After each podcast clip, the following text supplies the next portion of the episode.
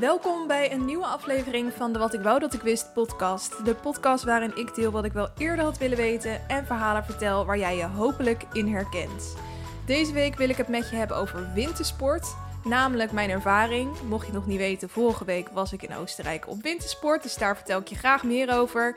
En het bracht me ook aan het denken, wanneer zijn we hiermee gestart? Wie heeft bedacht dat wij van een berg afgaan op twee latjes. Of met een snowboard natuurlijk. Dus ben je daar benieuwd naar? Blijf dan vooral luisteren. Tot zo.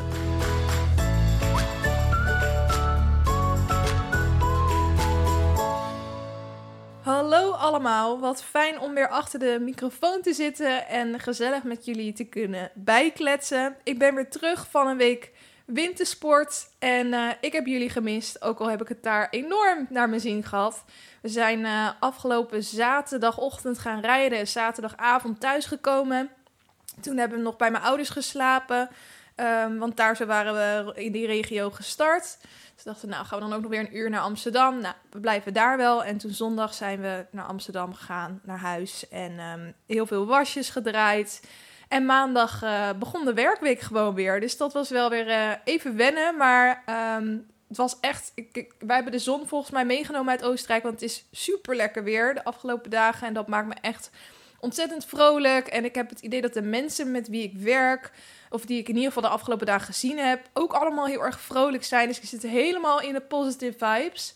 En um, ze zeggen altijd wel dat een wintersport niet ontspannend is. Uh, maar dat is het natuurlijk op een bepaalde manier wel. Het is misschien niet lichamelijk ontspannend, maar mentaal vind ik het echt mega ontspannend om zo hoog in die prachtige bergen te zijn en eventjes totaal niet met de digitale wereld bezig te zijn, wat ik toch wel veel moet doen um, voor mijn werk. En nou ja, dat kan gewoon letterlijk niet als je aan het skiën bent natuurlijk. Dus dat vond ik heerlijk.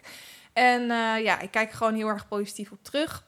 Um, vandaag, als ik dit opneem, is het Valentijnsdag. Ik hoop dat jij een hele leuke Valentijnsdag hebt gehad. Um, misschien heb je er helemaal niks mee. Misschien vind je het juist een leuk aanknopingsmoment om er iets mee te doen. Of het nou een bedankje voor je moeder is, of een roos naar in iemand sturen op wie je al lang een crush hebt, of gewoon je vriendin een leuk berichtje sturen. Wat het dan ook is. Um, of je relatie natuurlijk. Ik uh, vind het zelf toch altijd wel een leuk moment om er iets mee te doen. Uh, ik vind de liefde een heel mooi iets. En ik grijp uh, graag elke kans aan om dat te vieren. En um, aangezien mijn vriend niet de meest romantische is, is het voor hem ook wel de, weet je, de makkelijkste manier om een moment te pakken om echt iets leuks ervan te maken. dus ik heb soort van vorige week subtiel gehint dat ik heel erg van verrassingen hou en dat het uh, volgende week uh, Valentijnsdag is.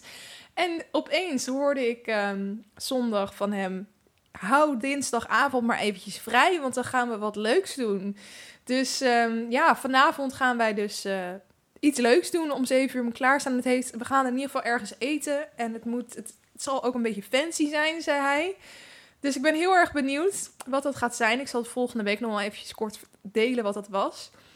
Um, maar wat ook wel heel erg leuk was, toen ik terugkwam van vakantie, lag er een, uh, een, een, dikke brief op onze mat met mijn naam erop en een rood hartje erop getekend. En er stond op de envelop geschreven: pas openmaken met Valentijnsdag. Nou, als ik ergens niet tegen kan, dan is het dit soort geheimpjes. Dat waar je dan nog, dus nog niet achter mag komen. Maar ik hou het altijd wel graag in ere. Dus als iemand zegt van je mag echt niet kijken tot dat moment, dan ga ik dat ook niet doen. Zo ben ik dan ook wel. Um, maar vanochtend mocht ik dat dus openmaken. En ik had al een berichtje naar een vriendin gestuurd waarvan ik dacht: ik vind dit echt wat voor jou om te doen. Ik kan letterlijk niemand anders bedenken die zoiets zou doen. En het leek ook een beetje op haar handschrift. Ik dacht, misschien heeft ze haar handschrift expres een beetje veranderd, zodat ik het niet door zou hebben. Maar zij zei direct van, nou ja, nee, dat is niet van mij. Ik dacht, jij zit gewoon kaart te liegen nu tegen mij. Toen ging ik het vanochtend openmaken. En daar stond ook geen naam in. Um, maar er stond wel uh, veel liefs of zo, of veel plezier ermee. En het was dus een heel schattig um, gehaakt toilettasje. En ehm, dat handschrift op dat kaartje erbij met veel liefs, dat vond ik helemaal lijken op dat handschrift van die vriendin van mij. Dus ik stuurde het weer naar haar en zei, dit is van jou. en zij weer, nee, dit is niet van mij.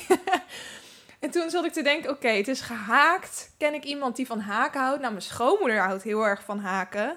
En dat is altijd wel een leuke match die wij hebben, want ik ben ook graag creatief bezig. Ik heb met kerst nog een beanie uh, gehaakt voor mijn vriend. Dus, um, uh, en dat wist zij ook. Dus ik zat zo te denken van misschien zit daar een link. Dus ik had een foto gemaakt van het uh, toilettasje en um, die naar mijn schoonmoeder gestuurd met... Spreek ik hier met een anonieme Valentijn? En ik kreeg een soort knipoog terug waaruit bleek dat zij dat dus inderdaad was. En dat heeft ze dus ook echt helemaal zelf gemaakt, dat toilettasje. En ik vond het echt zo schattig. Welke schoonmoeder doet dat nou? Ik vond het echt mega lief. En um, ja, heel leuk dat zij ook zo creatief is. Ze is ook kleuterjuf. Dus dat, uh, dat zie je er altijd wel aan af. maar uh, ja, dat vond ik onwijs schattig. Het deed me ook wel heel erg terugdenken aan um, vroeger toen ik nog een, vroeger toen ik een tiener was. nou ja, eerlijk, is best alweer even geleden. Um, dat ik nog heel erg obsedeerd was met het idee dat ik een anonieme Valentijn zou hebben en een brief op de mat zou krijgen en dat daar zo dan iemand zijn liefde aan mij zou verklaren of dat ik een roos bezorgd kreeg en dan um, dan gebeurde er altijd wel iets. Dan kreeg je opeens een roos of dan kreeg je inderdaad een Valentijnskaart en dan merkte ik toch aan mezelf dat ik die hoop begon te krijgen van oh misschien gaat er nu iets heel bijzonders gebeuren wat je altijd ziet in de films. Dat, het, dat je dat echt krijgt van degene van wie je hoopte dat het was. Echt een, iemand op wie je een oogje hebt. En dan was het van mijn moeder of van een, een vriend, vriendin die dan een roos had gestuurd. Wat ook super lief is. Alleen ik was zo geobsedeerd met het idee dat ik een um, liefdesvalentijn zou hebben. Die zich opeens ontmaskerde dat het altijd toch eventjes zoals, mm, oké, jammer, maar wel heel leuk.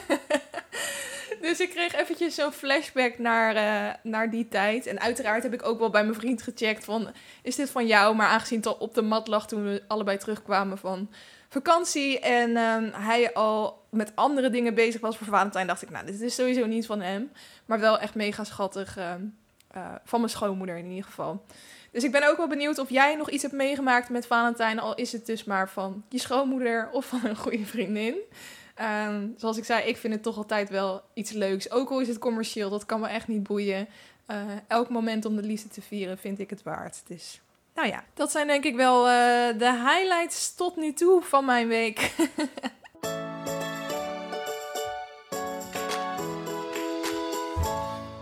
Het is tijd voor lekker loeren. We gaan eens lekker loeren naar het celebrity nieuws van de afgelopen week. En kijken wat die BN'ers weer allemaal hebben uitgespookt. Um, en ik heb weer een mooi rijtje met dingen die ik met je wil bespreken. Um, ten eerste iets het meest recente, denk ik wel. Um, waar veel over gesproken werd, namelijk de aankondiging van de zwangerschap van Rihanna. En eigenlijk moet ik gewoon zeggen, Rihanna's Super Bowl optreden. Want het ging er eigenlijk om dat zij daar ging optreden en toevallig tegelijkertijd maakte ze ook bekend dat ze zwanger was. Zo zie ik hem eigenlijk meer. Um, mocht je überhaupt niet weten waar het over gaat, er is dus een grote Amerikaanse sportwedstrijd die elk jaar plaatsvindt, genaamd de Super Bowl. En daar gaan twee grote bekende teams tegen elkaar spelen. En de halftime show, dus oftewel de show die in um, de pauze tussen de eerste en de tweede helft um, wordt gegeven, die is mega groot. Dat is uh, vaak een kwartier durend optreden van een van de grootste artiesten ter wereld. Het is ook een enorme eer als je als artiest wordt gevraagd om dat uh, optreden te doen. Ze krijgen er ook niet voor betaald. Wel al hun kosten worden betaald van het creëren van de show. Maar ze verdienen er verder niks mee. Behalve natuurlijk een hele hoop aandacht. En daardoor wel weer Spotify streams, nieuwe optredens, et cetera, et cetera. Dus indirect verdienen ze daar uiteraard wel heel erg veel mee. Maar het is dus echt een, uh, een behoorlijk ding. En um, misschien heb je ook wel eens de documentaire gezien van Beyoncé. Die staat op Netflix volgens mij. Dat is een hele documentaire over de reis naar die halftime show toe. Daar zijn ze dus echt maandenlang keihard voor aan het trainen voor die show. Ehm, en nu was dat dus Rihanna. En um, hele vette show. Allemaal klassiekertjes van haar had ze achter elkaar geplakt met dansers. En als ze dan ook van die shots hebt waar er uitgezoomd wordt, dan zijn er gewoon honderden dansers door die, dat hele stadion verspreid. Het is zo massaal, zo knap als je zo'n show in elkaar kan zetten en ervoor kan zorgen dat iedereen precies op het juiste moment doet wat hij moet doen. Maar goed, dat terzijde. Uh, een ander ding was dus ook dat zij um, een, een, ze had een soort jek aan en dat was een, een, klein beetje opengeritst. En daardoor zag je dus haar buikje eronder vandaan komen. Nou heeft ze vorig jaar in mei, dus mei 2022, haar eerste baby gehad. Dus er waren ook mensen die dachten van, uh, is dat dan niet nog een buikje van haar zwangerschap? Weet je misschien uh, is ze gewoon nog aan het herstellen en is het geen nieuwe zwangerschap. Maar uiteindelijk legde ze ook af en toe zo subtiel de hand erop. En uh, achteraf is dus ook bevestigd door haar woordvoerder dat ze inderdaad zwanger is van een tweede kind. Met Asa Brocky. Dus nou ja, die meid houdt lekker de vaart in. Die denkt, ik doe ze gewoon allemaal achter elkaar, dan ben ik er ook vanaf. Het lijkt me wel mega zwaar om dus voor een Super Bowl optreden te moeten repeteren. Uh, als je zwanger bent en echt nog in die weken zit, ook dat je super misselijk bent. Je ziet ook wel in haar uh, optreden dat ze niet mega veel beweegt. Best wel subtiele bewegingen, geen heftige dansmoves. Want ja, dat, uh, dat wil je waarschijnlijk ook niet. En dat kan je helemaal niet aan in zo'n stadium, denk ik. Um, dus nou ja, alsnog wel echt mega knap dat je dus zoiets weet neer te zetten. en ik vond het heel cool. Ik vond het vet optreden. Um, er waren ook wel mensen die zeiden, want het is een soort van running gag, dat iedereen heel graag nieuwe muziek wil van Rihanna, maar ze het elke keer maar niet uitbrengt. dus er waren ook wel heel veel reacties online van, ja, hallo, gaan we weer dat album niet krijgen? Omdat ze zich nu natuurlijk weer op andere dingen moet gaan focussen. Maar goed, die meid heeft dat natuurlijk ook helemaal verdiend en ik ben blij voor haar. Dan iets anders. Uh, afgelopen week was een rechtszaak tussen Rachel Hazes en haar dochter Roxanne. Roxanne was er zelf niet bij. Maar dan heb je natuurlijk als zo'n woordvoerder, advocaat. Um, en dat is dan voldoende. Maar vanwege haar eigen mentale gezondheid wilde ze niet fysiek bij aanwezig zijn. Um, ze had hem wel zelf aangespannen uh, tegen haar moeder dus. Um, en het hele ding is dat...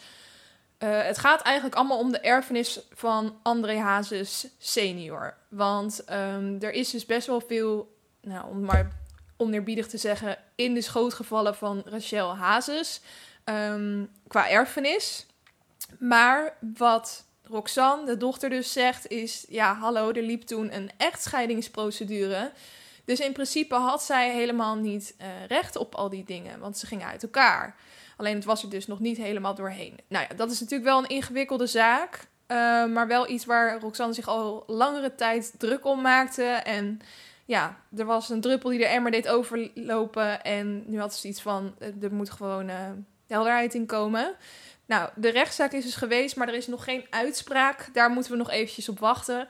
Ik ben benieuwd wat er aankomt. Ik vind het wel sneu hoe dat, uh, ja, hoe dat dan moet gaan. Dat je tegen je eigen moeder een rechtszaak aan moet spannen. Dat geeft ook wel aan hoe slecht de band is tussen die twee. Dan iets anders. Um, ik weet niet of je dit seizoen hebt gezien, maar je had op een gegeven moment het seizoen van Temptation Island met Megan en Kevin. En dat, wat, ze hadden ook zo'n uitspraak, koeken rond. Ze zei, jij bent helemaal koeken rond. Volgens mij bedoelde ze daarmee van, jij bent helemaal gek of zo. Maar ze, ze komen dus uit België. En ze hadden ook een heel apart accent, weet ik nog. En dat was uh, een heel juicy seizoen. Het is echt al wel weer eventjes geleden. Waarom ik hier weer over begin is omdat die Megan dus nu heel veel in de aandacht is. Um, je moet maar eens voor de grap een foto van haar opzoeken. Ze was destijds bij Temptation Island best wel een, nou, een soort muisje. Ze was heel, heel knap, uh, heel, maar heel uh, tenger en uh, niet heel erg op de voorgrond. En um, nu ziet ze er heel anders uit qua uiterlijk. Ze heeft overduidelijk verschillende plastische chirurgische uh, behandelingen laten doen. Ze heeft ook een, uh, een OnlyFans-account waar ze op actief is. Ze heeft heel veel volgers op Instagram en doet daar allerlei samenwerkingen. Ze is dus echt gewoon influencer op nu. Um, ze is ook niet meer samen met die Kevin. Die Kevin die wil ook helemaal niet meer in de bekendheid staan. Die heeft gewoon een, een, een kantoorbaan. En um, uh, ja, dus de reden dat zij nu zo, zoveel aandacht krijgt. Dus er was een interview wat zij heeft gedaan in een YouTube-programma Allures, heette dat. Ik heb het zelf nog nooit gekeken, maar dit werd overal breed uitgemeten. Waarin zij had gezegd, uh, want het ging dus over haar OnlyFans en wat voor inkomsten ze daar allemaal uithaalde. En uh, nou, dat was uh, niet mis. En um, toen zei iemand van, ja, dan moet je er wel nog belasting over betalen natuurlijk. Ze zei, nee, nee, belasting betalen vind ik onzin. Daar doe ik niet aan hoor. Ik betaalde geen belasting over. Het, ik vind het ook zo typisch dat je denkt dat je het niet doet, is al een ding. Maar goed, hou dat dan voor je. Je weet toch dat op het moment dat je dat de wereld inslingert, dat direct de fiscus op je stoep staat. Ik denk dat zij dat niet helemaal doorhad, dat dat een soort oorzaak-gevolgrelatie was. Want inderdaad stond uh, later dus die uh, fiscus bij haar op de stoep. En die, ze is flink ondervraagd en moet uiteindelijk natuurlijk alsnog veel geld betalen. Um, en daarnaast is ze ook in het nieuws omdat ze in januari door iemand van Ex on the Beach ten huwelijk is gevraagd. Terwijl ze toen pas vijf weken samen waren. En um, ze had ook een post geplaatst met: Oh, duizend keer ja, zeg ik hierop. Oftewel helemaal in de wolken, zou je denken. Maar inmiddels uh, volgt ze haar aanstaande niet meer op Instagram. Uh, alle foto's met hem zijn verdwenen. Dus het lijkt eigenlijk ook alweer uit te zijn. Nou, die meid heeft gewoon een behoorlijk uh, turbulent leven. En um, ik ga er goed op. Ik vind het mega juicy allemaal. en um, ja, gewoon heel bijzonder dat je zo soort van de reis van iemand ziet door al die programma's heen met Temptation en dan weer Ex Beach. En dan zie je haar op Instagram elke keer van uiterlijk veranderen. En dan is ze opeens op OnlyFans en dan zegt ze opeens ze dingen in een interview. Het, het matcht voor mij hoe ze zich nu aan de buitenwereld toont. Uh, niet zo heel erg met het meisje wat ik zag in dat programma in Temptation Island toen voor het eerst. En dat is denk ik wat heel veel mensen hebben, waardoor zij uh, nu heel veel in de aandacht staat. Maar goed, als je Temptation Island dat seizoen niet hebt gezien, zeg je helemaal niks, dan boeit dit je waarschijnlijk ook niet. Dus we gaan door naar het volgende nieuwtje. het laatste. Uh, en dat is Jennifer Lopez en Ben Affleck bij de Grammys. Ik weet niet of je die beelden daarvan hebt gezien. De Grammys zijn natuurlijk een belangrijke uh, awardshow in Amerika. En um, iedereen is helemaal blij. Ben, Affleck en Jennifer Lopez weer samen. Waren vroeger natuurlijk al samen. En iedereen wilde dat ze weer terug bij elkaar kwamen. Toen had je een hele tijd dat er allemaal roddels waren. Dat ze gezien waren samen. Nou, uiteindelijk zijn ze dus ook weer getrouwd met elkaar. Um, mega groot huwelijk was dat ook. Met allemaal paparazzi. Nou, gedoe. Um, nu zijn ze dus happy de peppy getrouwd koppel. maar zoals dat ook hoort bij een getrouwd koppel, kunnen ze goed kibbelen. En dat zag je dus bij de Grammys.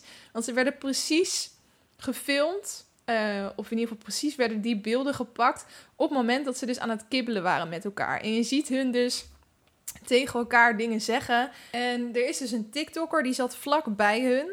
Uh, die heeft wat flarden opgevangen van gesprekken. En daarnaast is er dus ook een liplezer die uh, die beelden heeft bekeken en um, heeft achterhaald wat Jennifer Lopez dus tegen Ben Affleck aan het zeggen was.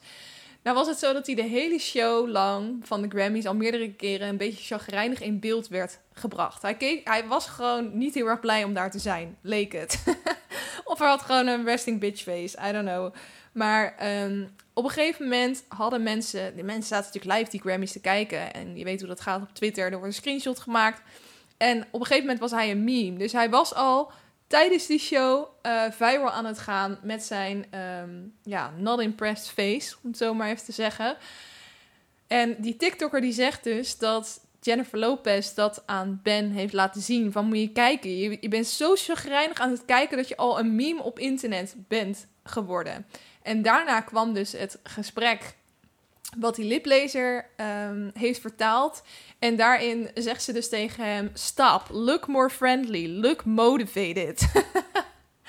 dus eigenlijk waarschuwt zij hem er meer voor van: Ja, uh, hartstikke leuk dat jij zo unimpressed ben, maar uh, weet wel dat je nu viral gaat overal en doe daar gewoon iets aan. En hij vindt het volgens mij allemaal hartstikke grappig, want hij blijft gewoon die hele show lang dezelfde gezichtsuitdrukking houden. Je ziet echt op elke foto en elk filmpje van de Grammys uh, die uitdrukking. Dus hij er volgens mij gewoon echt scheid aan.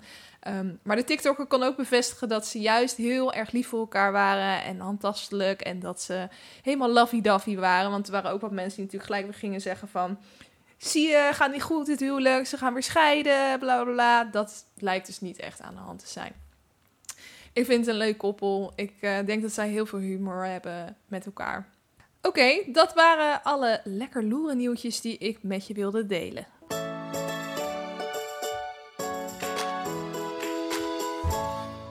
De lekker leven tips van deze week die ik voor je heb. Uh, ik heb natuurlijk 12 uur heen en 12 uur terug in een auto doorgebracht. De heenreis was s'nachts, dus toen heb ik wel veel geslapen. Maar op de terugweg heb ik heel veel uh, gekeken. Series gekeken op mijn mobiel, op mijn laptop. De eerste serie die ik heb gekeken en die ik dus eigenlijk ook als kijktip mee wil geven is You seizoen 4. Eerste drie seizoenen heb ik ook gekeken en vond ik heerlijk wegkijken. Het is misschien op sommige punten een klein beetje voorspelbaar, maar ik vind het heel erg leuk dat je die hoofdpersoon um, eigenlijk in actie ziet komen, maar je hoort ook de hele tijd zijn gedachtes. En dat maakt het best wel interessant, want het is ook je vindt hem bijna een soort van relatable. Dat je denkt, ik, ik kan er nog wel een beetje inkomen waarom je dit soort dingen doet. Maar ondertussen staat hij wel gewoon lijken te versnijden. Dus je gaat ook een beetje bij jezelf te raden van... Oké, waarom vind ik dit nou eigenlijk uh, oké? Of kan ik hier überhaupt een beetje inkomen? Wat zegt dat over mij? en dat doen ze best wel goed. En er zit ook romantiek in. En uh, nou ja, een verhaallijn elke keer speelt er zich weer in een andere stad af. Um, maar ze sluiten wel allemaal weer mooi op elkaar aan, die seizoenen. In dit seizoen is hij in um, uh, Londen, of in ieder geval in Engeland. En daar is hij professor op een universiteit. En hij bevindt zich op een gegeven moment in een soort kliekje van allemaal rijke, uh, invloedrijke mensen. En um, er gebeuren wat moorden in die vriendencirkel. En meer ga ik er niet over vertellen, daarvoor moet je het zelf maar kijken. Ik heb zelf wel een idee, want er is dus een uh, rode lijn door dit seizoen. Namelijk dat iemand zijn echte identiteit heeft achterhaald. Want hij neemt dus elke keer weer een andere identiteit aan als hij naar een nieuwe plek gaat. Iemand heeft zijn identiteit achterhaald en die stuurt hem dus sms'jes. Um, anoniem. Van ik weet wie je bent, ik weet wat je hebt gedaan, je gaat nu die en die vermoorden. Ik heb je helemaal door, bla bla bla. En hij probeert dus te achterhalen wie dat is, want hij denkt dat dat één iemand van die vriendengroep is. Ik denk dat ik weet wie het is. Ik heb een heel sterk vermoeden, maar ik ben dus heel erg benieuwd of ik gelijk heb. Dit seizoen heeft volgens mij acht afleveringen of tien. In ieder geval staat de helft daarvan dus nu online uh, bij Netflix. En de andere helft gaan ze volgens mij halverwege maart of zo. Er zit echt bijna een maand tussen. Uh, de, de eerste helft en de tweede helft, wat ik mega irritant vind. Ik snap het wel, want als, er zijn natuurlijk ook mensen die nemen dan voor één maand eventjes een Netflix-abonnement om dan dat seizoen te kijken. Dus ze willen dat mensen langer blijven. Dus ik snap helemaal waarom ze dit hebben gedaan, maar ik vind dat echt zelf heel irritant. Dus ik probeer ze nog een beetje uit te smeren, die laatste afleveringen van deel 1. Zodat ze goed aansluiten op uh, het moment dat deel 2 online komt. Maar goed, geniet ik wel weer heel erg van dit nieuwe seizoen van You. En ik ben uiteraard ook het uh, negende seizoen van Love Island UK aan het kijken. En daar ben ik ook wel heel erg van aan het genieten. Er zitten weer leuke personen in, interessante personen.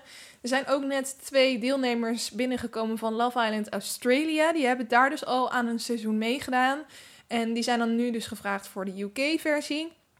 Ze komen ook aan en dan zeggen ze van ja, ik kom hier echt om liefde te vinden. En in principe, als de liefde echt sterk genoeg is, dan maakt afstand niet uit. En dan kom ik, ik hou toch van reizen en dan kom ik eventueel hier wonen. Nou, ik geloof er natuurlijk helemaal geen reet van. Ze willen gewoon weer eventjes op tv en in de aandacht komen. Al geloof ik wel dat ze het echt heel leuk vinden om te daten en die mensen te ontmoeten. Maar ja, uh, het is natuurlijk ook weer niet zonder reden. Ik had ook wel een beetje zoiets van, oeh, raken de UK'ers nu een beetje uitgestorven? Hebben ze nu alle knappe uh, mensen uit de UK wel gehad die überhaupt graag aan Love Island mee willen doen. Dat ze nu dus naar Love Island Australia moeten uitreiken. Maar goed, desondanks maakt het niet minder leuk om naar te kijken. Dat zijn ook twee hele leuke figuren. En eh, heerlijk om te zien hoe mensen aan het daten zijn. Er is alweer drama tussen twee meiden die dan op dezelfde jongen vallen. En iedereen noemt elkaar een flaky bitch. En het is weer heel juicy allemaal. Dus ik ben er mega van aan het genieten. Dus nou, geen hele nieuwe dingen. Ik keek al naar You en ik keek al naar Love Island. Maar uh, het, ik, noem het toch kijktips, want het zijn nieuwe seizoenen. En ik geniet er weer heel erg van. Dus mocht je nog twijfelen om dat te gaan kijken, bij deze kijktips. Dan wil ik een doetip meegeven. Ik heb weer een nieuwe hobby. Eén keer in zoveel tijd raak ik geobsedeerd met een bepaalde nieuwe activiteit. En hou ik alles ervoor in huis. En dan ben ik ook echt even een paar weken mee bezig. En dan sterft het weg. En dan heb ik een hele hoop met klei in mijn kast liggen. Of een hele hoop met breinaalden of een naaimachine of nou, wat dan ook. Ehm, mijn nieuwe hobby is uh, gelnagels thuis doen met nail art. Ik heb een aantal keer mijn nagels laten doen in zo'n zaak. Uh, lakwerk, mocht je niet kennen. Dat is een hele populaire in Amsterdam. Die maken echt heerlijke designs. Hele leuke zaak ook. Maar behoorlijk prijzig. Als je echt op elke nagel um, nail art wil laten doen. En dus ook gelnagels wil doen.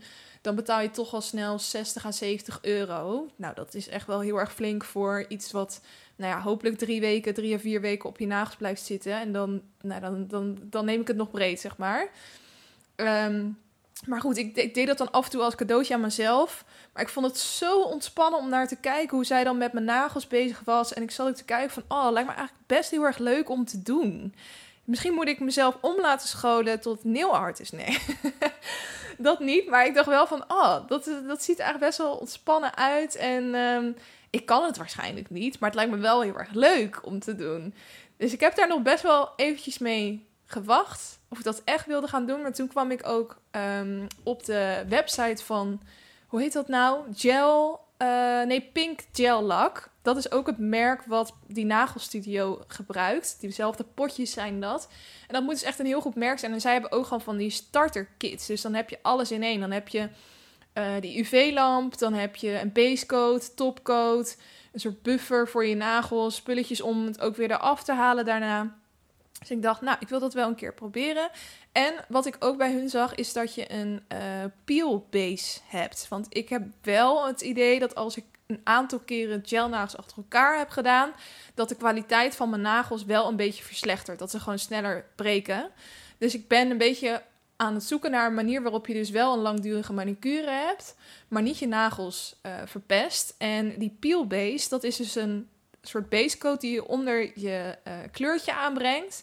En um, daarmee kan je dus eigenlijk gewoon na een aantal weken, uh, volgens mij zeggen ze 14 dagen, um, kan je hem eraf pellen eigenlijk, dat laagje nagellak. En dan verpest het dus ook niet je nagels. Dus dat is een beetje het idee. Um, dus ik, heb, ik had al die dingen in huis gehaald. Alleen ik was. Ik heb dus al een klein UV-lampje ooit gekocht. Toen ik ook met gelnagels wilde beginnen. Toen had ik iets van eBay besteld. Nou ja, allemaal een beetje cheapo. Maar dat werkte toen in mijn herinnering wel. Alleen ik had nu dus de nagellakjes van Pink Gel Lak. Um, en de UV-lamp die ik dus had van die vorige periode. En het werd maar niet hard. Dus ik heb toch het idee dat die IV-lamp die ik had van eBay, dat die gewoon niet sterk genoeg is. Dus ik heb nu alsnog die van Pink Gel besteld. En ik ga het dus nog een keer uitproberen. Ik heb gisteren dus al wel een beetje ermee gespeeld. Uh, en ik had ook een soort Valentijnskit besteld. Dus ik had allemaal stickertjes erbij. Dus ik, kon ook, ik heb een hartje op mijn duim geplakt. En nou ja, ik ben een beetje ermee aan het experimenteren. Wat ik ook wel heel grappig vond. Mijn nichtje is dus aankomende zaterdag jarig. Die wordt zeven jaar. En um, dit is trouwens ook wel een hele ideale tip. Als je een, uh, een hele lijst met dingen hebt die je eigenlijk wel graag voor je verjaardag zou willen hebben, maar je bent bang dat mensen dingen dubbel gaan kopen, dan heb je lijstje.nl. Daar kan je gewoon al je verlang, je wensen inzetten en dan kunnen mensen het afstrepen. En eigenlijk wordt dat altijd voor mijn neefjes en nichtjes gedaan. Want ja, wat wil zo'n kind? Dat weet je eigenlijk nooit zo goed als volwassene. Ehm, dus dan zetten die ouders dan allemaal dingen daarin wat het kind wil hebben. En dan kan je het gewoon digitaal afstrepen als jij die hebt gekocht. En toen ik dat lijstje.nl dus opende van mijn nichtje, stond er ook een nieuw art set in. Maar dan is voor kinderen. Dus ik heb gelijk die gekocht. Dus dat vond ik wel grappig. Ze kwamen ook op hetzelfde moment binnen. Dus ik had zo aan de ene kant die nieuw art set van mijn nichtje, wat er echt geweldig uitziet. Is gewoon een soort stempel die je dan op je nagel drukt. Uh, en dan kan je dan zelf helemaal designtjes kiezen en zo. Ik denk dat het echt geweldig gaat vinden, want ik zou dit zelf als kind ook geweldig vinden. En daarnaast dus mijn eigen hele pink gel lak kit. Dus nou ja, zoals ik zei, ik moet er nog een beetje mee spelen en oefenen. Uh, maar ik vind het wel heel leuk. En ik denk dat het me ook wel in de long run geld gaat besparen. Um, dus ja, ik hou je op de hoogte. Um, wat ik daarvoor trouwens ook nog heb uitgeprobeerd, waardoor ik hier ook, nou ja, dat het voor het hele sneeuwbaleffect van uh, die gel nail kit zorgde, was dat ik een advertentie kreeg van Blitz B, B-L-I-T-S, B-E-E. Um, en zij verkopen nail art stickers, maar ze hebben ook gel nail art stickers. En dat zijn dus eigenlijk designtjes die je dan gewoon op je nagels plakt. Ze zijn best wel lang, maar het resterende gedeelte dat um, vel je er dan af. En dan hou je ze dus direct onder zo'n UV-lamp en dan wordt het hard en dan werkt het in principe gewoon als gel nagellak. En dan heb je dus ook een heel tof designtje op je nagels. Dus ik had dat in eerste instantie uitgeprobeerd. Vond ik wel heel tof. Bleef ook heel erg lang zitten. Het enige wat ik had was dat die uh, stickers best wel dik waren. En um, dat de randjes, dat daar dan toch nog een beetje ruimte in zat. Ook al had ik dat heel goed aangedrukt. En als ik dan met mijn handen door mijn haar ging, dan bleven soms mijn haren achter die stickers haken. En dat, daar kon ik echt op een gegeven moment niet meer tegen. er zullen vast hacks zijn om dat op te lossen. Um, maar daardoor heb ik die eigenlijk niet meer. Ben, ben ik toch besloten om dan maar zelf met gel lakjes aan de slag te gaan. Maar Um, het is wel heel tof als je een feestje hebt of zo om daar van die stickers te bestellen. Want het is heel makkelijk om op te doen, heel makkelijk om eraf te halen. En je hebt dus voor best wel cheap gewoon een heel cool designtje dan op je nagels. Dus dat kan je ook nog bekijken. Oké, en tot slot had ik nog één tip, een uh, volgtip. Um, ik ben weer een beetje aan het sporten en op gezond eten aan het letten. En ik wil weer een beetje meer in die mindset komen. En wat ik dan heel fijn vind, is om mensen te volgen die dat al doen en die er heel blij van worden. Nou, iemand die dat is, is Whitney Simmons. Zij is een van de grootste fit girl influencers, denk ik, op uh, TikTok, op Instagram, YouTube. Daar is ze allemaal wel actief. Maar zij heeft een zo'n positieve vibe over zich. Daar kan ik zo van genieten. In elke video, in elke foto, in elk tekstje straalt zij dat uit. En um, ik word er gewoon heel vrolijk van. En ze maakt dus ook video's dat ze in uh, de sportschool bezig is. Uh, en dan heeft ze dus eigenlijk een microfoontje vastgespeld. Waardoor je dus soort van haar gedachten hoort terwijl ze aan het uh, sporten is. En dat is gewoon heel herkenbaar, maar tegelijkertijd ook heel positief en heel motiverend. Vaak staat er in de comments ook: Oh, ik krijg helemaal zin om naar de sportschool te gaan door jou. En dat heb ik normaal nooit. Weet je, dus ik probeer altijd een beetje mezelf dan te laten beïnvloeden door dat soort voorbeelden. Om dan ook meer zelf in die mindset te komen. Uh, en omdat ik haar dus gewoon ook heel erg leuk persoon vind, dacht ik, waarom zou ik haar niet gewoon even aan jullie tippen?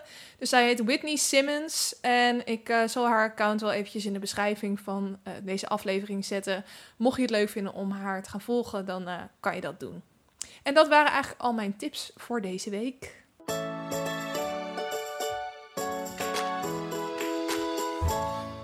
Oké jongens, het hoofdonderwerp wintersport. Um, ja, ik wil het eigenlijk hebben over mijn ervaring met wintersport, over de geschiedenis van wintersport. Laten we gewoon eens helemaal in dit onderwerp duiken. Misschien heb je er heel veel mee, misschien heb je er helemaal niks mee.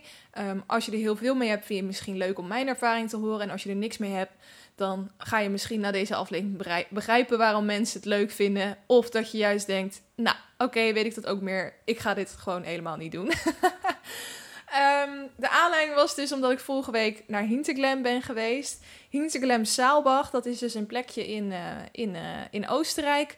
Waar je heel leuk kan skiën. Veel blauwe pistes, ook goed voor beginners. Ik zal daar straks wat uitgebreider over vertellen. Maar ik zal even beginnen met het begin. Um, mijn ervaring met wintersport en hoe dat van jongs af aan eigenlijk ging. Ehm, ik heb een hele grote familie. Mijn moeder heeft vier broers en vijf zussen. En er zijn een aantal van die broers en zussen waar zij heel close mee is. En dat zijn denk ik drie of vier gezinnen in totaal. Dus drie of vier zussen met allemaal hun eigen partner. Of uh, drie of vier zussen slash broers met hun eigen partner en eigen kinderen. Ehm, en eigenlijk werd ik uh, van jongs af aan al meegenomen door mijn ouders en die familie, of selectie van familieleden, um, op wintersport. En eigenlijk gingen we om het jaar. Dus elke twee jaar waren we wel een keer in, uh, in Oostenrijk, in de voorjaarsvakantie. Uh, Oostenrijk was wel een standaard plek. We zijn ook een keer naar Frankrijk geweest, maar daar was toch minder sfeer. Um, dus eigenlijk was het altijd wel Oostenrijk. Veel in Gerlos ook geweest, uh, maar ook Ischol. En nou, er zijn een aantal van die bekende plekken die mensen, vooral Nederlanders, vaak hoort noemen. En um, daar zal ik vast allemaal geweest zijn, maar ik kan me eerlijk gezegd ook niet allemaal meer herinneren, omdat ik dus ook erg klein was eigenlijk vanaf het moment dat ik uh, kon staan of dat het legaal was om mij op skis te zetten, werd ik op die skis gezet. En het was eigenlijk vrij standaard dat wij als kinderen van de familie uh, in skiklasjes werden uh, gezet. Dus eigenlijk was je de hele week met kinderen van over de hele wereld in zo'n skiklasje samen met zo'n skilerares. Um, en ging je de bergen af. En eerst natuurlijk wat kleinere heuveltjes en later werd dat wat groter. En um, ja, ik vond het altijd wel een bijzondere ervaring. Soms dan was het ook alleen de ochtend en dan ging ik daarna gewoon weer met mijn ouders mee. Uh, en soms was het ook echt hele dagen. Uh, ik, kan, ik heb hele leuke herinneringen eraan. Um, maar ik vond het ook wel heftig soms. Want je, je zat dus ook vaak met allemaal kinderen die je niet kende. En soms zat je dan in een groepje met een nichtje of neefje wat je goed kende. Maar je werd ook ingedeeld op um, hoe goed je kon skiën, dus soms ook niet. En um, dan ging je met z'n allen eten tussen de middag. En er was ook vaak Duits. En ik weet nog dat ik me af en toe ook gewoon een beetje onheimlich of zo voelde. Zo van, ik voel me op zich wel thuis, want ik ken deze mensen nu een paar dagen. Maar waar is mijn eigen familie? En vind ik dit eigenlijk wel leuk? Vind eigenlijk ook heel erg spannend allemaal. Ik moet allemaal dingen doen die ik eigenlijk niet zo heel erg goed durf. En dus ik was ook wel veel in mijn hoofd bezig. Maar ik heb ook heel veel lol gehad. Dus het was een beetje van allebei de kanten. Nou, zo ging dat dus eigenlijk tot aan, um, ja, je werd natuurlijk steeds iets ouder en je wordt ook wel beter in skiën. Dus het was ook steeds minder klasjes en meer met mijn ouders mee. Dus dat vond ik wel heel erg leuk. Maar eigenlijk altijd wel ook die lessen uh, gehouden. En um, ja, vooral heel veel lol ook gehad met familie. Ik kan me nog goed herinneren dat we altijd in een hotel zaten. En um, dat daar zo dan uh, de, de, de, de communal area, zeg maar soort van overladen werd door mijn familie, omdat we met zoveel mensen waren. En dat we dan aan enorme tafels aan het eten waren met elkaar. En dat ik dat vooral heel erg gezellig vond. Mijn ooms en tantes die altijd aan het kaarten waren met natuurlijk een snapsie erbij. En um, mijn neven en nichten die net een stukje ouder waren dan ik. Die dan gingen apres-skiën en dan kwamen ze soort van uh, rollenbollend daarvan terug, omdat ze helemaal dronken waren. Nou, dat vond ik natuurlijk onwijs interessant om te zien allemaal. Gingen ook vaak rodelen met de familie, dus echt van die sleetjes een berg af. Vond ik ook mega spannend, maar ontzettend leuk. Dus nou ja, wel hele toffe herinneringen uh, daaraan. Op een gegeven moment was ik uh, elf jaar en ik zat dus weer in zo'n skiklasje. En dit was in Gerlos. En wij, uh, uh, ik, zat met twee andere nichtjes van mij in een klasje. Dus dat was wel heel leuk. Het was de eerste dag en ik was gewoon nog niet zo heel erg zelfverzekerd. En ik weet dat we toen al van een rode piste afgingen. Of het was niet een hele rode piste, maar het was een rood gedeelte op een piste. En het was eigenlijk een heel smal bospaadje.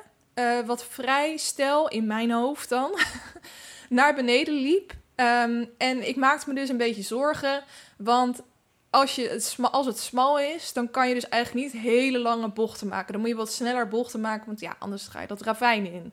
En um, ik liet elke keer maar wat mensen voor mij gaan, want ik dacht, joh, ik vind het al een beetje spannend. Ik kan kijken hoe zij het doen.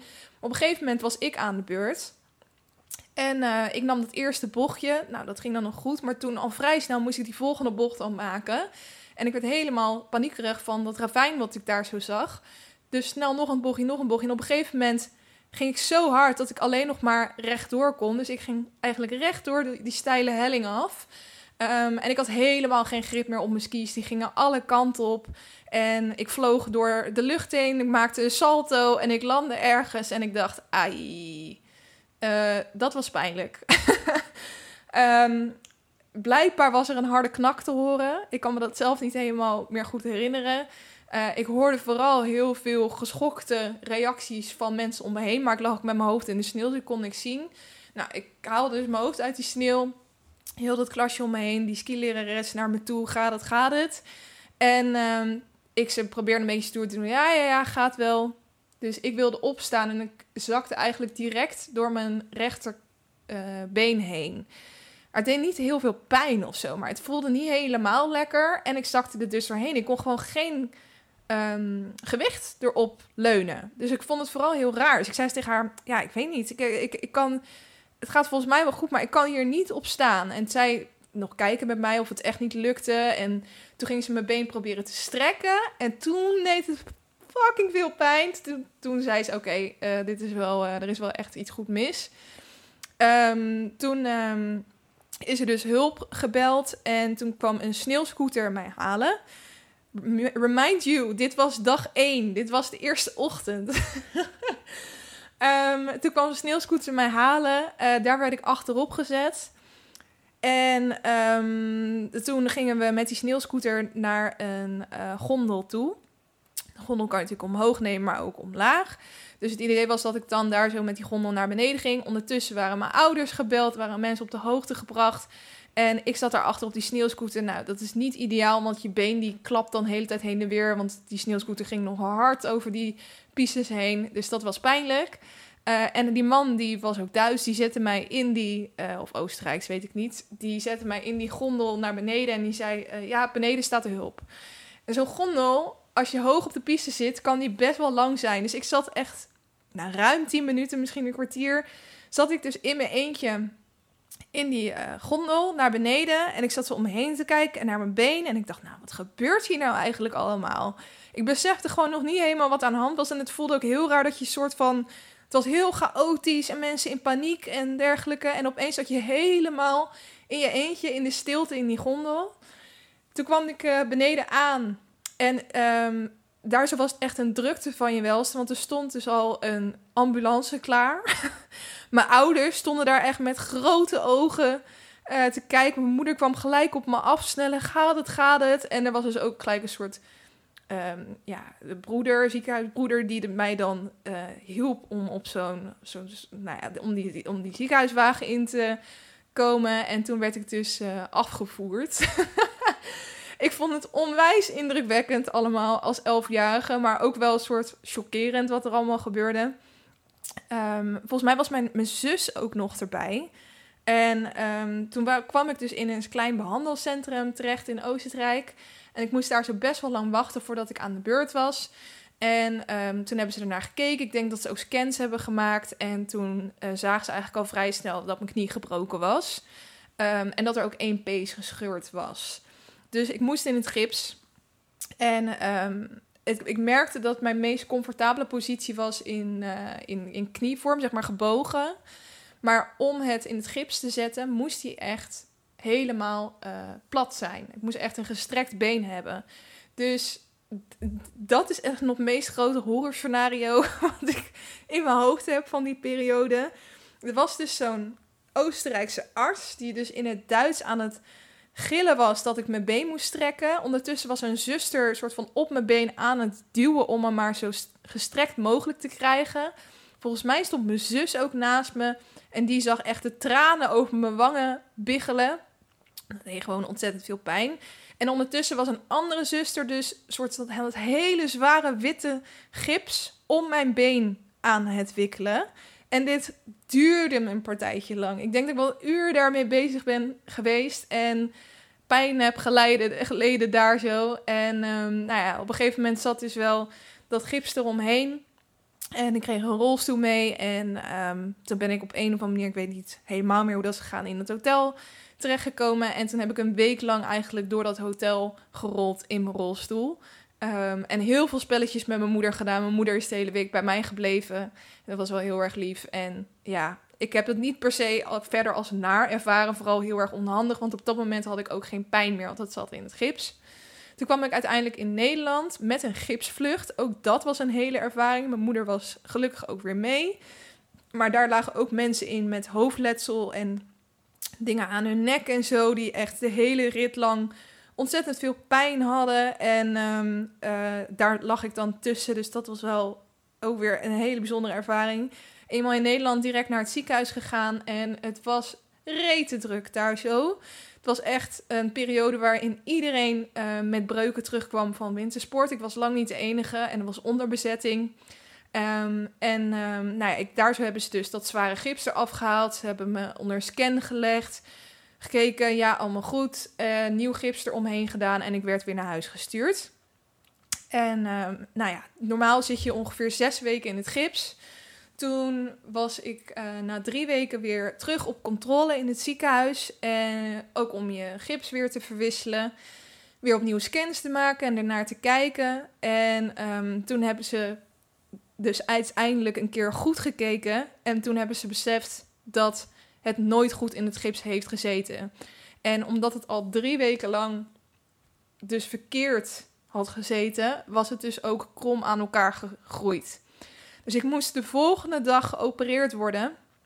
Toen hebben ze mijn knie opnieuw gebroken.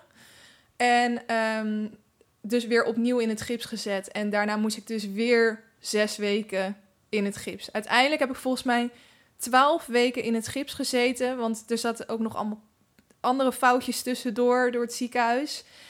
En na die twaalf weken, dus drie maanden in totaal, um, was de spiermassa in mijn been weg. Dus toen heb ik ook nog een hele tijd moeten revalideren om dat weer goed te krijgen. Dus heel veel fysiotherapie gehad. En uiteindelijk na een half jaar was ik er dus weer bovenop. Maar het klinkt nu allemaal heel dramatisch. Maar ik heb eigenlijk voornamelijk hele leuke, grappige herinneringen uit die tijd. Want zoals ik al zei, op het moment dat het in het gips zat, had ik er eigenlijk geen pijn aan. Het was vooral heel onhandig soms, maar ik woonde gelukkig heel erg dicht bij school. Dat was eigenlijk op loopafstand en ik had ook een vriendinnetje die mij dan met rolstoel en al uh, naar school toe duwde. Toevallig ook een vriendinnetje waarmee ik vorige week dus ook weer op wintersport was. Dus daar zaten we nog aan terug te denken vorige week. Ik weet ook nog dat ik soort van party tricks had, want omdat hij dus helemaal in het gips zat en ik niet echt meer spieren erin had, kon ik mijn been dus helemaal omhoog doen en hem tegen mijn neus aandoen. Dat vond ik dan heel grappig om te laten zien. Um, ik weet ook nog dat jongetjes uit mijn klas geobsedeerd waren met mijn stokken. Die werden elke pauze gebruikt als soort van um, uh, nep vechtstokken. En ik, ik dacht, nou ja, hè, aandacht nooit erg. ik vond het allemaal wel mooi en iedereen wilde dan voelen, hoe gaat dat dan? Op stokken lopen, mag ik het eens proberen? Dus ik stond eigenlijk alleen maar in de belangstelling. Iedereen vond het zo ontzettend zielig voor mij. Dus ik kreeg ook elke keer cadeautjes van mensen. Ik weet ook nog dat ik op uh, meivakantie ging naar Spanje. En um, toen lag mijn been dus eigenlijk lang uit over die van mijn vader en moeder heen naar rechts. Uh, want die moest je natuurlijk wel hoog houden. En toen kwam er dus de piloot uit de cockpit naar mij toe om een handtekening te zetten op mijn gips. En die had dan een vliegtuigje erop getekend. En eigenlijk heb ik alleen maar van dat soort grappige herinneringen aan die tijd. En vond ik het helemaal niet zo heel erg probleem. En misschien maak ik het allemaal rooskleuriger in mijn hoofd dan dat het is. Um, maar ja, zo erg vond ik het dus eigenlijk allemaal niet. Maar goed, dat was wel een aardige ervaring als elfjarige. Daarna gelukkig ook nooit meer iets gebroken. Maar ik had wel zoiets van, ik moet nu weer terug de skis op, want anders durf ik straks nooit meer. Dus twee jaar later ben ik toch weer gaan skiën. En uh, dat ging eigenlijk best wel goed. Tuurlijk, het is altijd even spannend in het begin. Maar um, ja, eigenlijk toch wel uh, blij dat, dat, dat, dat, dat ik dat vertrouwen weer terugkreeg. Uh, en dat mijn techniek nog goed zat. En dat het gewoon goed ging met mijn knie. Um, ik denk dat het ook rond die tijd was dat ik besloot dat ik wilde leren snowboarden. Want dat was heel erg cool onder de tieners natuurlijk. Uh, van nou ja, elke familie denk ik, maar ook mijn familie. Eigenlijk iedereen die 15 werd ongeveer, die stapte over van skiën naar snowboarden. Dus ik wilde dat ook. Dus toen heb ik besloten dat ik dat wilde uh, leren. En daar heb ik ook wat lesjes voor gehad. Ik ging met mijn middelbare school ook op wintersport. En toen kwamen we dus in een snowboardklasje terecht. Dus dat is wel leuk dat je dan met allemaal mensen zit die het nog niet kunnen. Maar ik merkte al snel dat het toch echt niks voor mij was. Ik ging heel veel op mijn kont zitten. Ik vond het ook doodeng om te leunen naar het dal in plaats van de berg. Want met skiën moet je eigenlijk heel erg tegen de berg aanleunen. En met snowboarden, uh, natuurlijk als je draait niet, maar je moet echt ook wel durven te leunen. En dat, dat vond ik echt doodeng. En die bochtjes maken kon ik niet. Ik dacht, ja, dan sta je met je rug naar het dal toe. Op een gegeven moment als je dus zo'n bocht hebt gemaakt. Ik kon me daar gewoon niet, geen, geen zelfvertrouwen bij opbouwen. Dat dat, dat, dat überhaupt iets zou kunnen zijn wat ik zou kunnen. Dat, dat, nou, het kwam er gewoon niet in bij mij.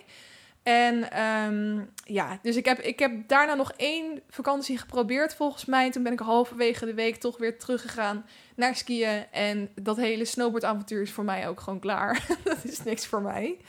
Um, maar dat was ook wel de laatste keer toen dat we met familie gingen. Want die hele familie van mijn moeder die groeide uit de kluiten. Uh, ik was de jongste van de neefjes en nichtjes. Mijn oudere neefjes en nichtjes begonnen al aan kinderen. Dus um, het werd allemaal een beetje te groot en te veel.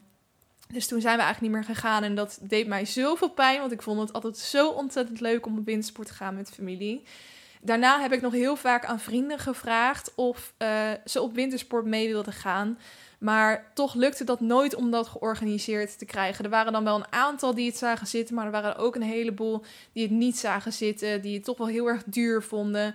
Die niet zo goed tegen kou konden. Of die het gewoon niet van jongs af hadden geleerd en er tegenop zagen dat ze het dan opnieuw moesten gaan leren. Um, wat ik allemaal heel erg goed begreep. Uh, maar ik heb echt wel wanhopige poging gedaan om mensen mee te krijgen. Maar uiteindelijk is het dus pas dit jaar voor het eerst uh, gelukt. Vorig jaar ben ik voor het eerst naar Winterberg gegaan. Met een ander stel en mijn vriend. En um, dat was eigenlijk een heel groot succes. En we hebben toen ook echt met elkaar besloten van... Maakt niet uit wie er volgend jaar meegaan. Wij gaan een week naar Oostenrijk. En uiteindelijk sloten dus toen nog een ander stel aan. Dus zijn we met z'n zessen naar Oostenrijk gegaan dit jaar. En ook deze week hebben we weer besloten. Um, volgend jaar uh, doen we gewoon weer eerste week februari. Staat gewoon vast. En dan zien we wel wie er meegaan. Maar wij willen dit er gewoon echt inhouden. Dus dat vind ik wel heel tof dat het nu eigenlijk weer opstart. Dus het is toch wel nou, meer dan 10 jaar, 14 jaar denk ik wel dat ik misschien niet geweest ben. Um, maar dat we het nu weer hopelijk elk jaar of om het jaar of wat dan ook kunnen gaan doen. Uh, daar word ik wel heel erg blij van. Want ik denk dat je het echt moet ervaren om het te voelen. Maar de hele sfeer daar is zo fantastisch. Je bent de hele dag in de buitenlucht bezig. Je kan uh, elke keer met een trots gevoel neerploffen op zo'n terras. Dan zit je heerlijk in de zon uitkijkend op de meest prachtige bergen. Een biertje erbij, heerlijk eten. Je eet ook zo ontzettend veel omdat je zo'n honger hebt. En je ligt super vroeg op bed, omdat je dan eigenlijk al klaar bent. Maar de hele dagbesteding is eigenlijk al top, want je staat vroeg op die berg, maar je eindigt ook vroeg. Meestal rond drie uur ben je klaar. Dan duik je de après-ski bar in. Um, dan ga je daar lekker zuipen. En dan rond uh, zes uur ga je eten. Zes, zeven uur. En om negen uur lig je in je bed. En dat is voor mij echt ideaal. Ik hou ook heel erg van mijn slaap. Dus dat komt dan ook helemaal goed op zo'n vakantie. En um, het is gewoon de perfecte combinatie van sportief bezig zijn. Lekker eten en drinken en feesten en lol hebben met vrienden. Dus um, ja, daarom ben ik heel blij dat het weer terug een ding is in mijn leven nu. Wij zijn dus naar uh, Hinterglem Saalbach geweest. Hinterglem en Saalbach zijn allebei plekjes. En dan het hele gebied eromheen, dat skigebied, noemen ze dus Hinterglem Saalbach. En um, daar zo uh, heb je eigenlijk dus hele mooie pistes voor beginners. Heel veel blauwe pistes. En wij zaten ook met een huisje. We hadden een huisje via uh, booking.com geboekt. Je kon hem ook via Airbnb vinden. Het was een twee slaapkamer appartement uh, met een slaapbank in de woonkamer. Dus um, uiteindelijk hebben twee mensen in de woonkamer geslapen en twee dan twee stellen in kamers. En we hadden dan ook een leuk zitje. En dat vind ik altijd wel heel erg belangrijk. Want je bent op windsport toch ook veel met elkaar. Uh, wil je toch lekker ontbijten met elkaar. En soms ook avondeten daar. Dus uh, uh, dat was eigenlijk wel heel erg fijn. En hij grenst ook aan een van de pistes. Dus je kon eigenlijk soort van naar huis skiën. En dan hoefde je maar een heel klein stukje te lopen. En dan was je gewoon in je huisje. Het enige nadeel was dat het echt op een heuvel van 200 meter hoog stond. en het was vrij uh, stel om elke keer op en af te lopen naar het dorpje zelf. Dus daar moest ik me altijd eventjes um, mentaal klaar voor maken om, om na een dag skiën waarbij je al aardig veel je bovenbenen hebt gebruikt om dan ook nog die helling op te lopen. Eh, maar goed, we hebben dat zoveel mogelijk kunnen ontwijken door de skiën dingen te doen. En ehm, ja, ik kan het gebied ook zeker aanraden. Hinterklem Saalbach dus heel leuk voor beginners. Heel veel beginnerspistes. Uh, ook leuke après-ski. De bekendste is daar toch wel Ghoststal. Dus uh, het geitenstal eigenlijk. En um, uh, er zijn dan een soort van enorme parasols uitgeklapt met daaronder allemaal lichtjes. En uh, daar is dan ook een DJ-booth en uh, grote bar, drankjes, eten kan je ook nog halen. En um, dat is eigenlijk altijd helemaal afgeladen en voornamelijk met Nederlanders. Dus dat is al typisch. En um, ja, daar zo hebben we dus twee avonden gestaan. Dat was heel erg leuk, maar ook wel heel erg druk. En um, je moet er ook niet te laat aankomen, want op een gegeven moment waren wij wat later daar dan is iedereen al op zo'n level dat je denkt: ik moet hier weer eventjes mentaal inkomen en ik kom niet mee met de rest van de mensen, zeg maar. Um, maar uh, wel heel gezellig. En we zijn ook een keertje naar, god, hoe heette die nou? Ik ga hem ondertussen eventjes opzoeken op mijn telefoon, want ik was dus in de uh, geitenstal. En toen raakte ik aan de praat met een gast die blijkbaar dus al 23 jaar um, op die plek kwam. Dus ik vroeg toen ook aan, hem van wat zijn dan leuke après-ski tenten waar we heen moeten. Want we zijn eigenlijk alleen nog maar hier geweest. Maar er zullen er vast nog wel meer zijn. Oh ja, en toen noemde die uh, Der Zwartzagger. Dus daar, die zit wat meer in het centrum. Daar kan je ook gewoon heen lopen. Daar hebben we de laatste avond gefeest. Dat was ook wel heel erg leuk. Ook een beetje zo half buiten idee met een DJ. En uh. Dat moet blijkbaar ook een heel leuk zijn. En die, uh, daar zijn we een aantal keer langs geskiet. Dat zit dus echt midden op een piste. Uh, maar er gaat ook een soort shuttlebus van het centrum van Hinterklem en Saalbach uh, helemaal omhoog die berg op naar die, die tent. Maar goed, dan heb je wel één keer in het uur een bus en het, nou, matchte gewoon niet helemaal met ons schema. Dus daar zijn we uiteindelijk niet geweest. Maar mocht je dus nog naar Hinterklem Saalbach gaan, dan zijn dat dus drie leuke apres-ski tenten. Wallegalm, Der Zwartzagger en Ghostal. En uh, ja, voor de rest hebben we gewoon echt bijna alleen maar super mooi weer gehad. Het skiën ging bij iedereen steeds beter. We hadden één snowboarder.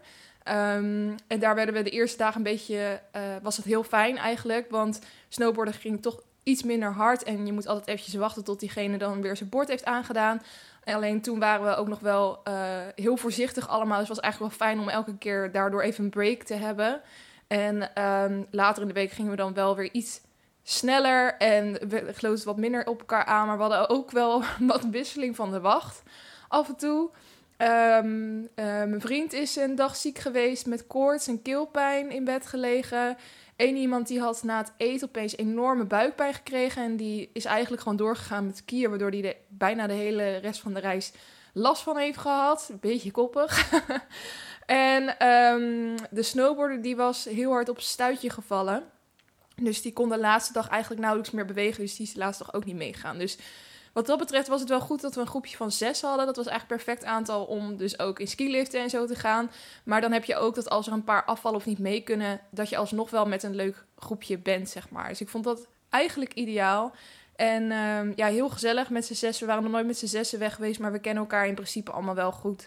Dus um, dat was allemaal geen probleem. Dus nou dat was een beetje onze Hinterklem Saalbach ervaring. Mocht je nog specifieke tips willen voor dat gebied, uh, let me know. Uh, wat misschien wel leuk is om te weten, is dat ze ook tegenwoordig apps hebben. Misschien was dat er al een tijdje, maar goed, ik ben dus al een tijdje niet in Oostenrijk of Zwitserland of Frankrijk, in ieder geval op wintersport in een ander land geweest.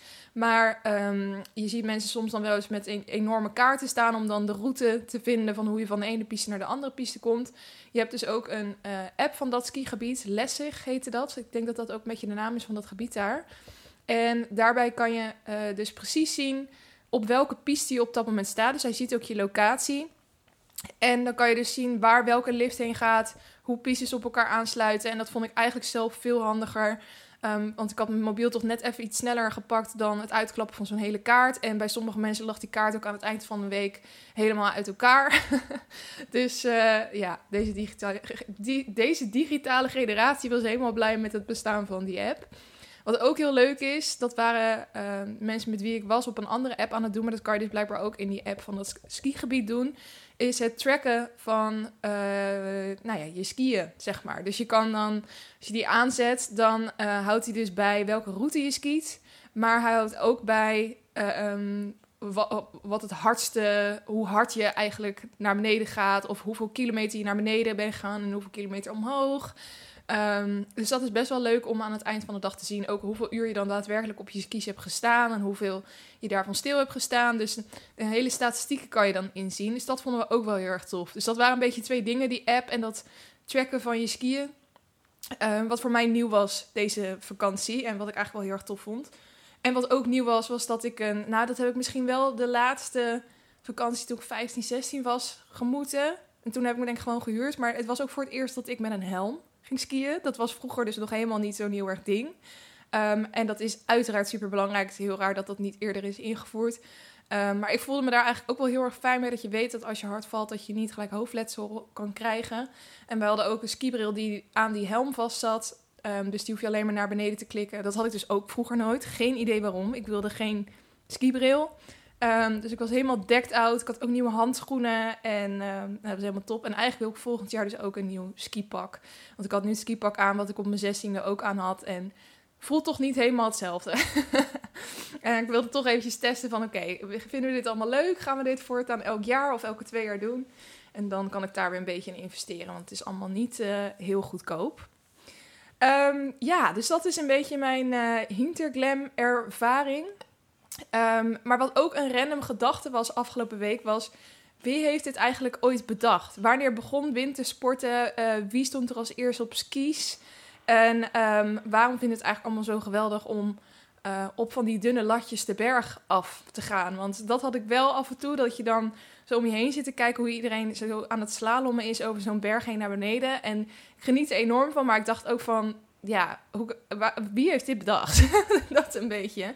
Dus ik vond het wel interessant om daar eens in te duiken in de geschiedenis uh, daarvan. Um, dus dat ga ik met je delen. Uh, skiën. Nou ja, voor ons is het natuurlijk eigenlijk niet meer echt weg te denken uit de, de maatschappij. Maar waar komt het nou eigenlijk vandaan? De eerste mensen die dit hebben gedaan, en dan gaan we eigenlijk terug naar 4500 tot 7000 jaar geleden, zijn de oude Noren. Dus in Noorwegen zijn de eerste tekenen van skiën gevonden.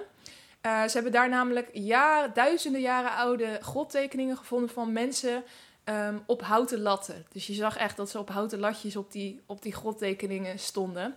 En um, men denkt dat die houten latten destijds werden gebruikt als vervoersmiddel en bijvoorbeeld voor um, jagen in zo'n besneeuwd landschap. Dat het dan gewoon heel praktisch was om iets te hebben waarmee je uh, gecontroleerd een helling af kon. Um, die eerste variant van die skis, die hadden uiteraard nog geen bindingen die vastzaten om de voeten of zo. Dus je kon er niet echt opstaan en ermee uh, skiën zoals wij dat nu kennen. Maar waarschijnlijk werden ze gewoon puur en alleen gebruikt om zich een weg te banen door die diepe sneeuw op die ja, toch wel redelijk vlakke stukken land. Um, je hebt ook, misschien is dat leuk als je een keer naar Oslo gaat. Je hebt daar een skimuseum en daar vind je de oudste skis ooit.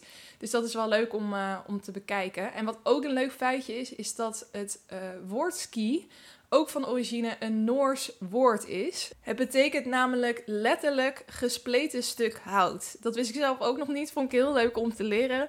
Dus nou ja, als je nog wintersport gaat, dan is dat een leuk feitje om uh, in de skilift met uh, de anderen te delen. Dan maken we eigenlijk even een sprong heel ver in de toekomst, namelijk naar de 18e eeuw. Uh, we zijn nog steeds in Noorwegen en daar was een Noors leger een ski-eenheid aan het opzetten. Um, met die ski-eenheid konden ze zich wat sneller door dat besneeuwde landschap verplaatsen om uh, op die manier de vijand te bespioneren. Dus uh, je had allemaal Noorse militairen en um, die zijn eigenlijk begonnen met skiën en je moet dan eigenlijk meer denken aan langlaufen. Dus het is nog steeds niet het van een helling afskiën zoals we dat kennen. Uh, maar ze moesten zich vooral over lange stukken, nou, vlakke stukken uh, heen krijgen. En opnieuw zak je dan natuurlijk weg in die sneeuw. Dus daarom hadden zij latten onder hun, uh, hun, onder hun spullen, onder hun voeten. En um, nou ja, zo begon het eigenlijk een beetje. En zij zijn dus ook begonnen met het organiseren van uh, onderlinge races op de ski. Dus het zou zomaar kunnen dat skiën door deze fanatieke militairen een, uh, een hele grote sport is geworden. Ik zie dat al helemaal voor me dat ze dan overdag heel serieus bezig zijn met uh, zich richten op de vijand. En dan uh, s'avonds vervelen ze zich en dan gaan ze op die lat eens kijken hoe ver ze kunnen komen. Um, dus dat is, dat is wel grappig. Dat was dus allemaal in begin 18e eeuw. Nou, dan komen we nu eigenlijk een beetje aan bij het skiën zoals we dat kennen. En um, de, hoe het dus eigenlijk populair is geworden, dat gebeurde in de 19e eeuw.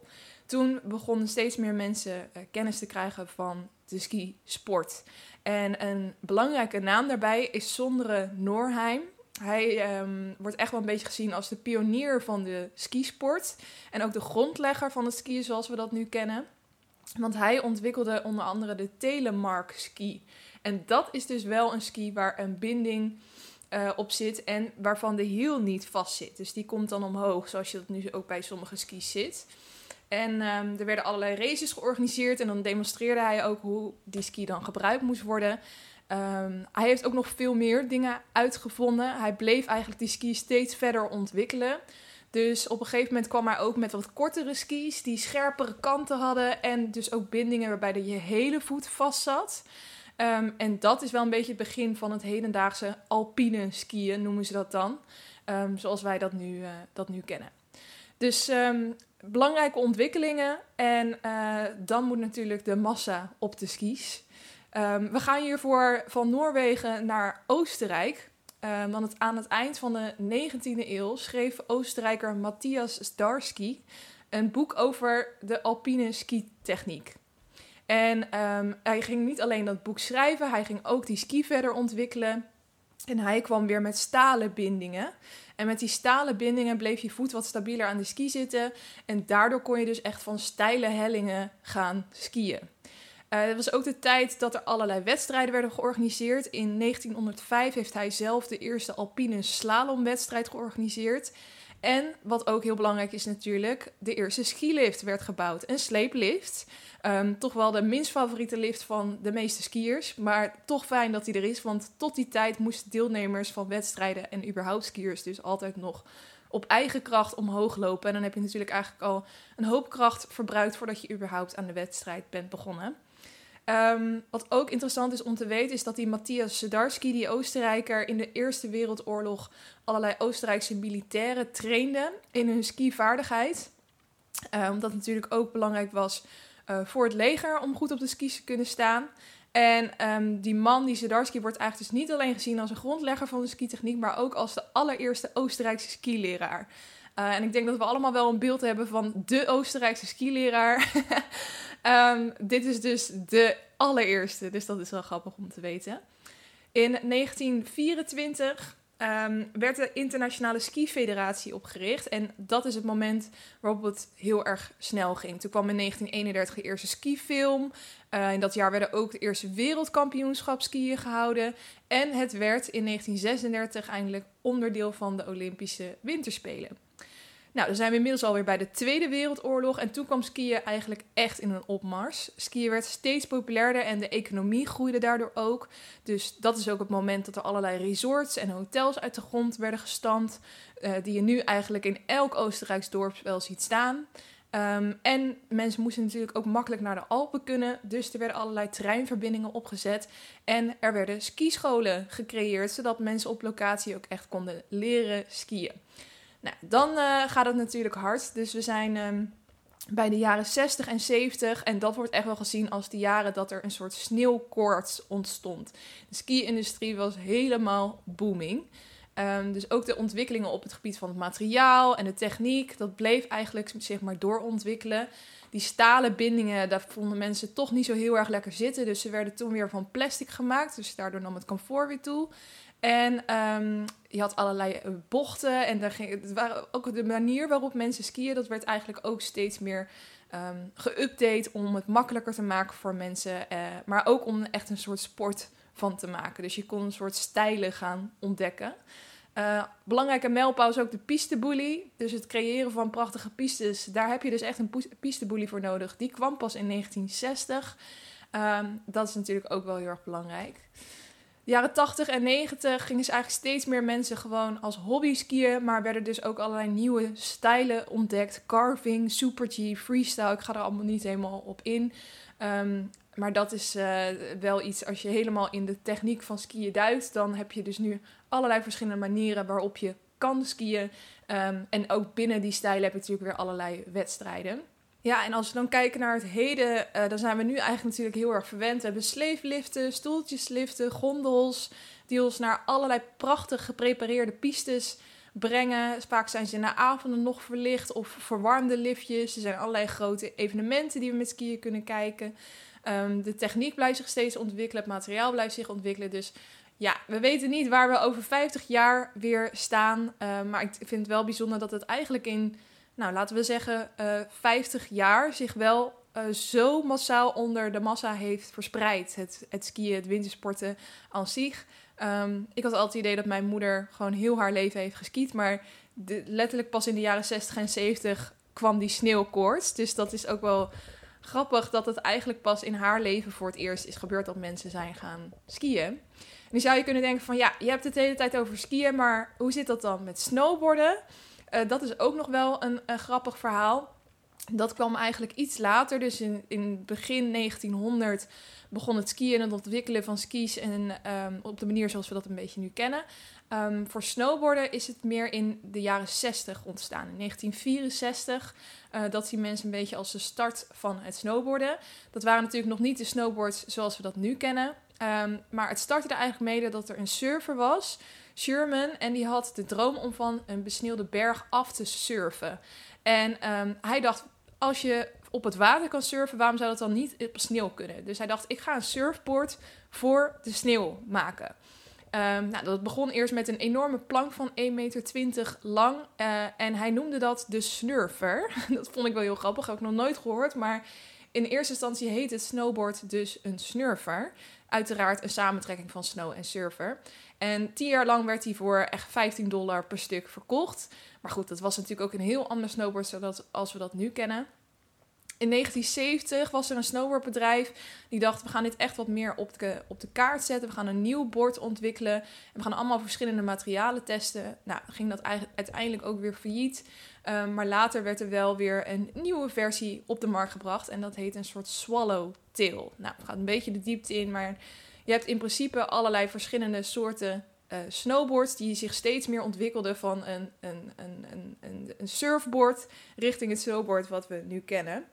Um, er was ook een hele bekende snurfer. ik vind het nog steeds een grappig woord. Namelijk de 23-jarige Jake Burton. Um, en hij had zoiets van, ja, hartstikke leuk, dat surfboard, snurf, snurfer ding. Maar ik kan hier gewoon niet goed genoeg op staan. Hij wilde wat meer grip voor zijn voeten, wat stabieler erop staan. Dus hij had eigenlijk de eerste snurfer of, surf, of, snow, snowboard ontwikkeld. Um, met uh, skibindingen. Dus dat was een soort van de heilige combinatie. Dat je dus ook echt vast zat met je voeten op dat bord. Nou, uiteindelijk natuurlijk ook weer wat, uh, wat duurder daardoor geworden. Um, maar wat nog wel grappig is om te weten. In eerste instantie werden snowboarders nog helemaal niet toegestaan op de piste. Dus heel veel van die snurfers of snowboarders klommen daarom over hekken en dan gingen ze s'nachts stiekem de pistes op. Want het werd toch nog wel vooral gezien als een sport voor skiers. Of in ieder geval, de mensen die op de piste mochten staan, dat waren toch wel vooral de skiers. Um, even kijken, wat is nog leuk om te noemen verder? Nou ja, steeds meer mensen gingen ook die snurfboards uit de US importeren uh, naar Europa. Dat was voornamelijk in de jaren 80. En toen verdwenen een beetje de vinnen aan de achterkant van het bord, zoals je die ook kent van een surfboard, waardoor die boards beter konden glijden. Um, en er kwamen ook high-back bindingen. En dat is een beetje die binding zoals we dat nu kennen op een snowboard.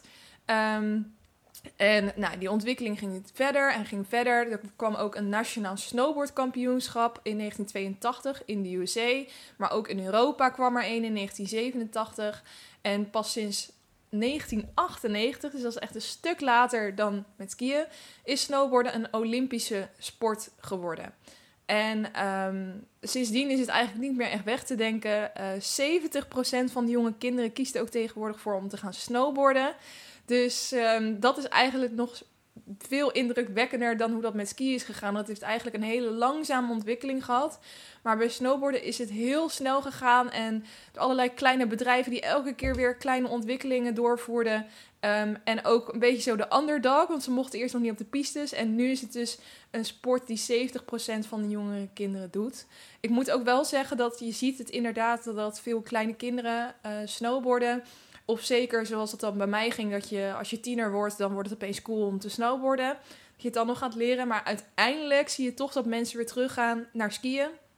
Omdat dat toch wel een uh, iets comfortabelere manier is. Ook als ik dat vriendinnetje van mij bezig zag afgelopen week met de snowboard. Um, het is toch wel echt een stuk meer werk met het, zitten in een sleepliftje, het elke keer opnieuw aandoen van je bindingen, het vooruitkomen op vlakke stukken. Het is gewoon allemaal een stuk moeizamer uh, op een snowboard. Dus ik, um, uh, ik, denk wel dat het zo is, inderdaad. 70% van de jonge kinderen kiest ervoor. Maar uiteindelijk, als je kijkt naar iedereen die wintersport, denk ik wel dat het toch 70% skier is en 30% snowboarder. Als ik ook een beetje zo op de pistes keek. Uh, maar ik denk ook dat dat iets is wat met soort van met trends gaat. Dus je hebt tien jaar lang dat iedereen aan het snowboarden is. En dan weer tien jaar lang dat iedereen zegt: nee, we moeten allemaal gaan skiën. Um, en misschien komt er wel weer een nieuw iets, hè? Dat zou ook nog kunnen. Want we zitten eigenlijk, als je kijkt naar die hele tijdlijn, best wel dicht op uh, de eerste ontwikkelingen van skis en snowboards. Dus wie weet komt er ook nog wel een derde iets naast. Wat ook weer een toffe manier is om van de berg af te gaan. Um, sowieso heb ik wel echt aparte dingen ook gezien. Mensen die op één ski van de berg afgingen. Mensen die op een soort driewielerachtig, maar dan met skis de berg afgingen. Die er soort van op zaten. Um, je hebt eigenlijk al heel veel interessante ontwikkelingen. Dus het is eigenlijk maar wachten waar dat allemaal weer uh, naartoe gaat. Dus um, zo, dan heb je eventjes een backstory en wat leuke feitjes over de geschiedenis, het ontstaan van uh, wintersport aan zich. En um, ja, ik ben, zoals ik zei, ik vind het altijd heel erg leuk om te wintersporten. Zelfs na die keer dat ik mijn been nogal heftig heb gebroken daar zo. Um, ik ben wel een beetje een poesie, moet ik zeggen. Als ik ook zie hoe andere mensen de berg afgaan. Ik weet dat ik het wellicht zou kunnen. Maar misschien zit toch ook wel een beetje in mijn achterhoofd. Dat ik denk, ja, ik weet ook uh, de gevaren die hier loeren. dus ik uh, uh, zat ook een video te kijken op TikTok. TikTok weet natuurlijk precies dat ik nu uh, helemaal met mijn gedachten bij wintersport zit.